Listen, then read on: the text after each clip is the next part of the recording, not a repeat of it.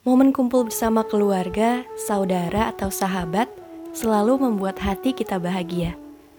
Namun bagi kita yang sudah cukup umur, sering kali pertanyaan seperti, Loh, gandengannya mana?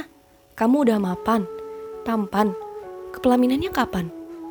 Iya, pertanyaan basa-basi yang biasa diucapkan jika kita sedang menjomblo dan tidak punya pasangan. Padahal mereka nggak tahu kalau kita habis tertikung teman. Sahabat Islam cendekia, tidak perlu khawatir.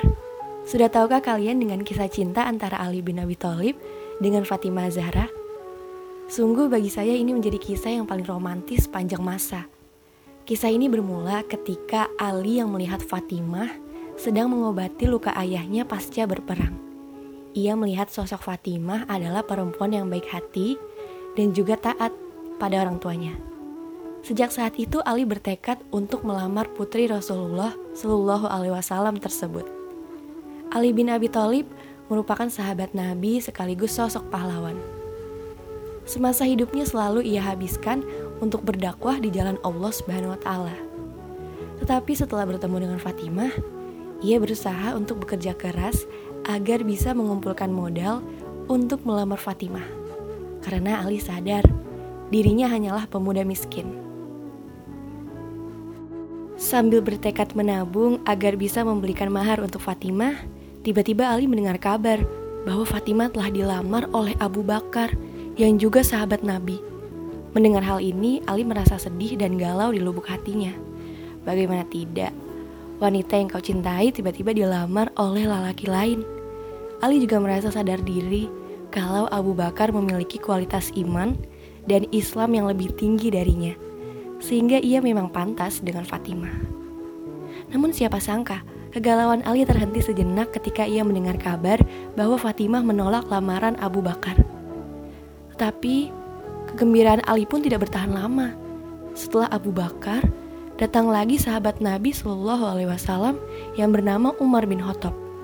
Lagi-lagi ia merasa rendah diri karena Umar lebih gagah dan perkasa darinya. Rupanya takdir berkata lain lamaran Umar bin Khattab juga ditolak oleh Fatimah. Sungguh gembira sekali wahai Ali ketika wanita yang ia cintai tidak menjadi menikah. Namun lagi-lagi keraguan menghantui Ali. Kali ini ia merasa tidak memiliki harta apa pun selain satu set baju beserta unta dan pedang yang biasa ia gunakan untuk perang dan juga persediaan tepung kasar yang menjadi makanannya. Lalu Ali bin Abi Thalib bertemu dengan Abu Bakar dan mencurahkan isi hatinya. Wahai Abu Bakar, sungguh Anda telah membuat hatiku menjadi gelisah. Padahal sebelumnya aku sangat tenang dan tidak ada kegelisahan. Demi Allah, aku sungguh menghendaki Fatimah. Tetapi saat ini yang menjadi penghalang bagiku adalah karena aku tidak memiliki apa-apa. Mendengar hal tersebut, Abu Bakar terharu sambil berkata kepada Ali bin Abi Thalib, Wahai Ali, janganlah kau merasa rendah diri. Bagi Allah dan Rasulnya, dunia dan seisinya hanyalah debu yang bertaburan.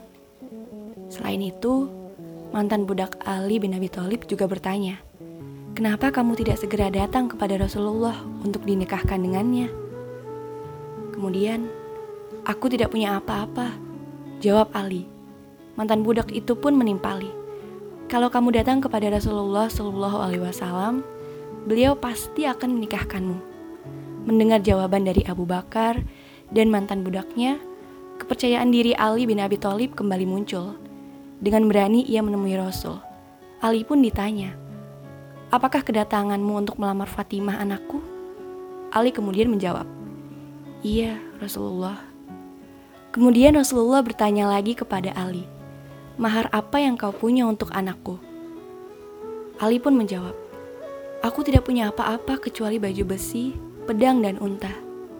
Karena pedang dan unta masih ia gunakan untuk berdakwah, Rasulullah akhirnya menerima baju besi sebagai maharnya.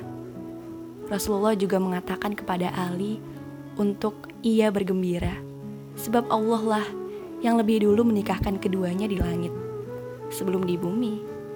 Iya, Ali adalah jodoh yang sudah disiapkan oleh Allah untuk Fatimah.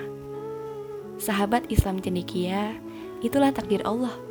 sejauh apa pun kita dengan orang yang kita cintai, jika memang jodoh, pasti akan didekatkan. Jangan pernah khawatir perihal jodoh, sebab takdir Allah tidak akan tertukar. Asalkan kita mau berusaha dan berikhtiar.